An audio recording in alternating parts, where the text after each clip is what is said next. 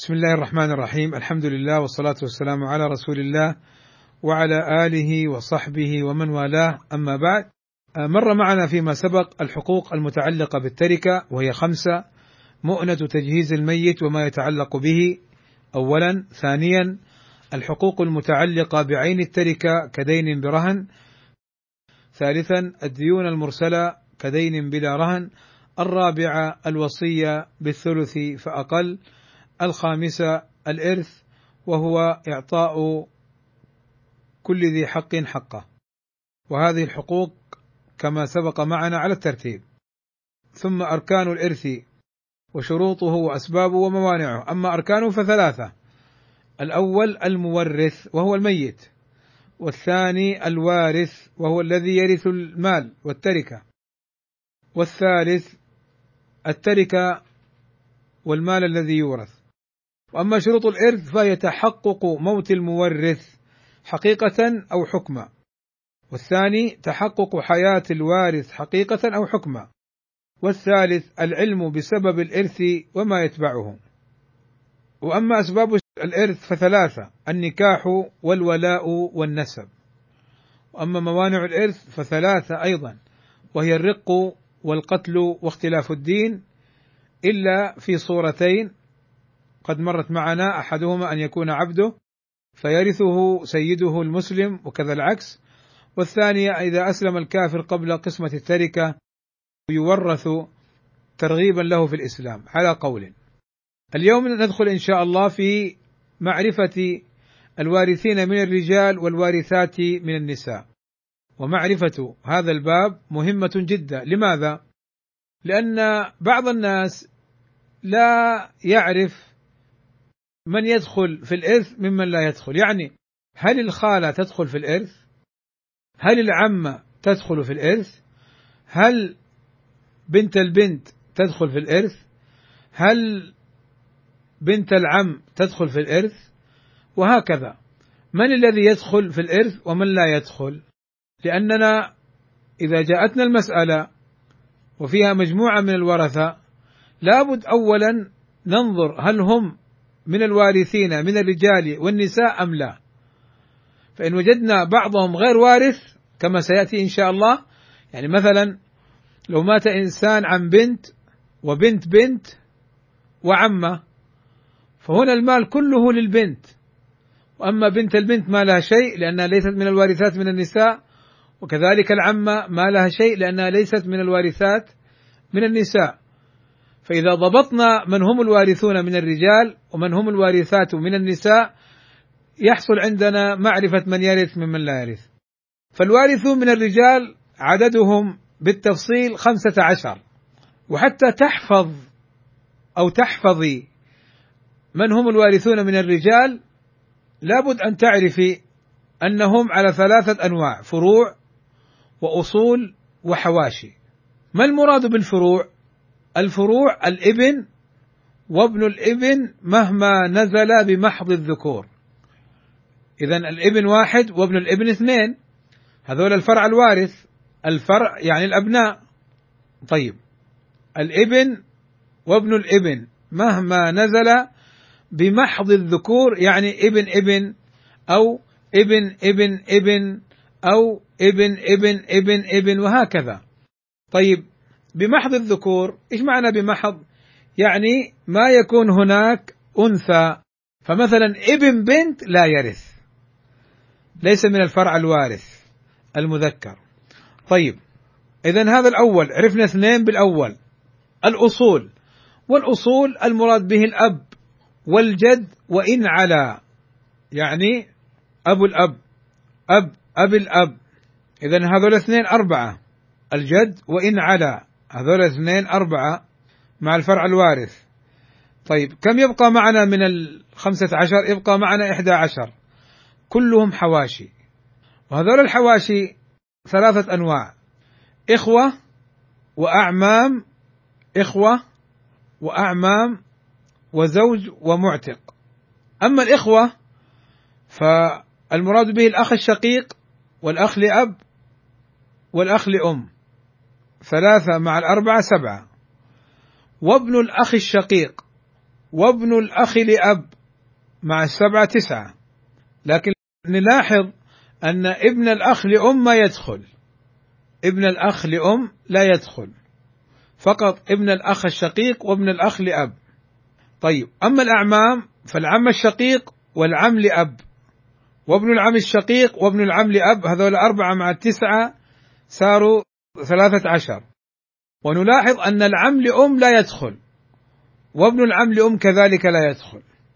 أربعة عشر وخمسة عشر الزوج والمعتق. فهؤلاء هم الوارثون من الرجال الخال لا يدخل. ابن الخال لا يدخل. ابن الخالة لا يدخل. ابن العمة لا يدخل. فقط هؤلاء وإن علا مع ملاحظة وإن علا من من أبناء الإبن ومن الجد. طيب. الوارثات من النساء عشرة. على التفصيل. كذلك فروع وأصول وحواشي. أما الفروع البنت وبنت الإبن مهما نزلت بمحض الذكور يعني بنت إبن بنت إبن الإبن بنت إبن إبن الإبن وهكذا. وأصول. الأم وأم الأم وأم الأب. وحواشي وهي الأخت الشقيقة والأخت لأب والأخت لأم والزوجة والمعتقة.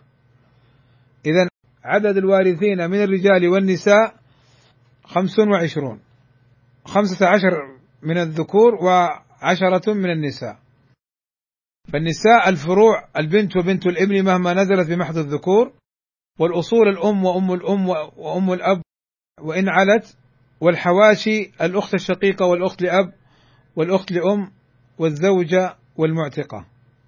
هذه لابد من حفظ لابد فيها من حفظ فتحفظ حتى لا يحصل خطأ في توزيع التركات فيورث من ليس بوارث. طيب بعد ذلك ندخل أنواع الإرث. وهذه كلها الان مقدمات قبل شروط كل وارث. وهذه المقدمات مهمة وضرورية. لابد من ضبطها ليحصل ضبط العلم. لابد من حفظها ليحصل حفظ العلم وضبطه. أنواع الإرث. لو نظرنا إلى المواريث فإن الوارث لا يخلو من حالتين. إما أن يرث بالفرض وإما أن يرث بالتعصيب. والفرض يعني النصف والربع والثمن والثلث والثلثان والسدس فهو نصيب مقدر. وأما الإرث بالتعصيب فهو يرث بسبب قربه من الميت تعصيبا. ومعنى تعصيبا أنه يرث بلا تقدير بلا فرض. طيب ما الفرق بينهما؟ الفرق بينهما واضح. صاحب الفرض لابد أن يرث من التركة.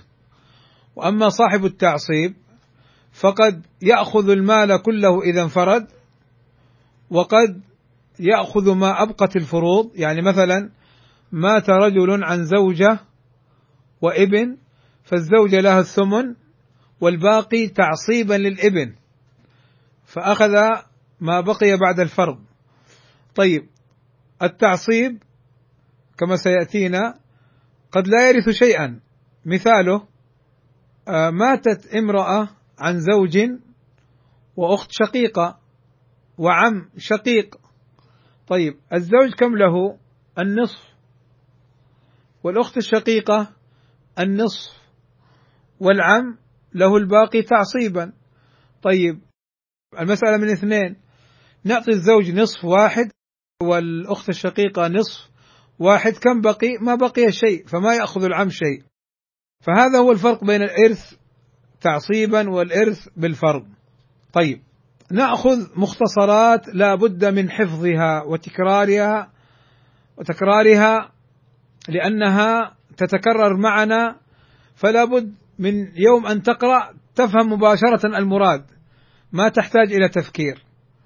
أولا الفرع الوارث. كثير تأتينا الشروط أن لا يكون في المسألة فرع وارث. ما المراد بالفرع الوارث؟ الابن وابن الابن مهما نزل بمحض الذكور والبنت وبنت الابن مهما نزل أبوها بمحض الذكور. إذا قيل الفرع الوارث هذا هو المراد. فإذا قيل أن يوجد فرع وارث أو أن لا يوجد فرع وارث فمباشرة نفهم بالفرع الوارث الابن وابن الابن مهما نزل بمحض الذكور والبنت وبنت الابن مهما نزل أبوها بمحض الذكور. عدم الأصل ما المراد بالأصل؟ الأصل المراد به الأب فقط لا الجد. فاذا قالوا عدم وجود الأصل أي الأب. إلا في مسائل الإخوة والجد. في مسائل الإخوة والأخوات لأم مع الجد وستأتينا إن شاء الله. طيب البنت من يعصبها؟ الإبن. بنت الإبن من يعصبها ابن الإبن؟ أو من هو أنزل إن احتاجت إليه؟ وهذا سيأتينا. الأخت الشقيقة يعصبها الأخ الشقيق. الأخت لأب يعصبها الأخ لأب. طيب. المراد بالجمع في المواريث اثنان فصاعدا. ليس المراد ثلاثة فصاعدا اثنان فصاعدا. فإن كانت اثنتين فلهما الثلث. الورثة المذكورون في المسألة. هذه قضية مهمة.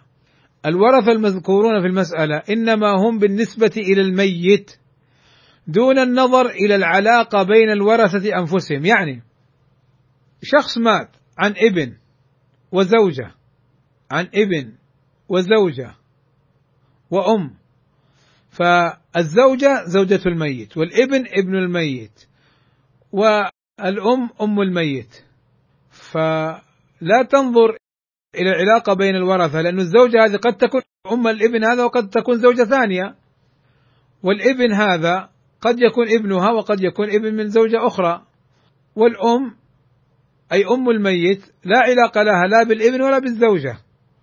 لأن بعض من يدرس المواريث في البداية يحصل عنده إشكال واضطراب في معرفة علاقة الورثة. بعضهم ببعض فيدخل في متاهات نقول له لا لا تتوه.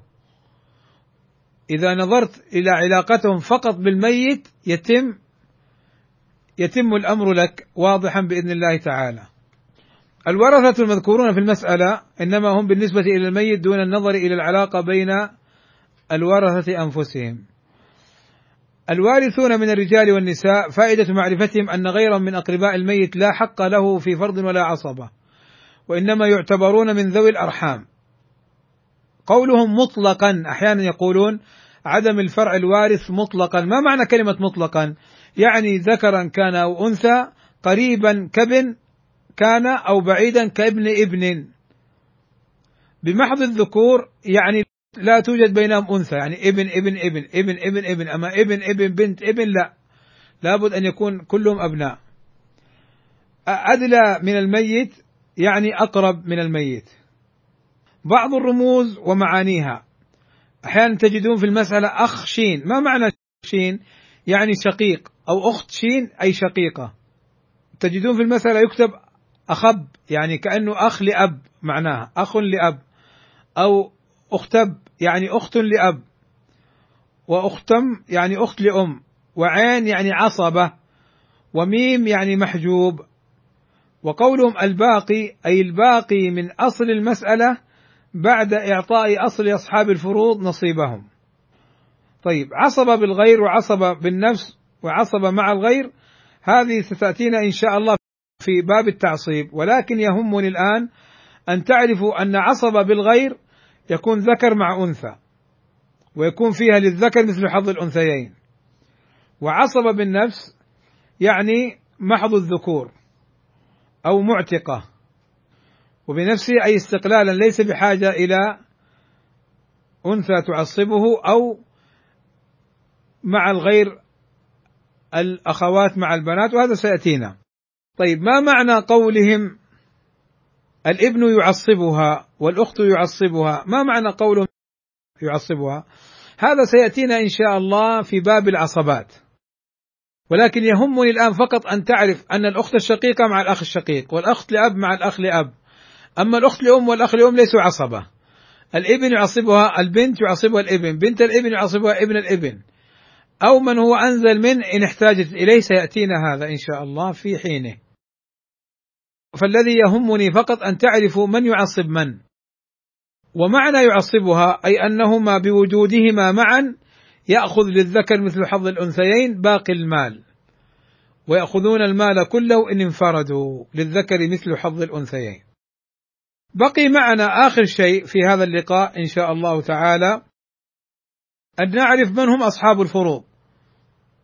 لأن هناك من يرث فرضا فقط وهناك من يرث تعصيبا فقط وهناك من يرث فرضا وتعصيبا فالذين يرثون فرضا هم الزوج أو الزوجة والبنت وبنت الابن مهما نزل أبوها والأب والأم والجد والجدة والأخت الشقيقة والأخت لأب والأخت لأم والأخ لأم وبعض هؤلاء الذين يرثون فرضا وعددهم اثنا عشر قد يرثون في بعض أحوالهم تعصيبا فمثلا الأب يرث تعصيبا البنت ترث عصبة بالغير كما سيأتينا إن شاء الله.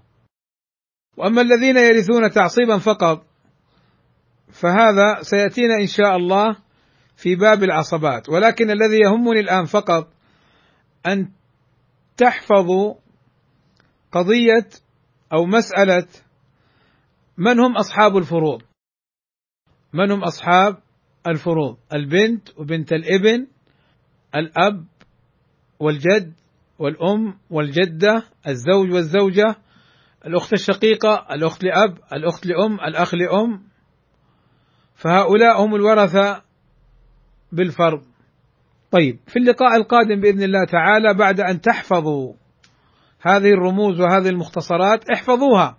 ممكن ما يتعلق بالتعصيب في شيء من عدم الوضوح.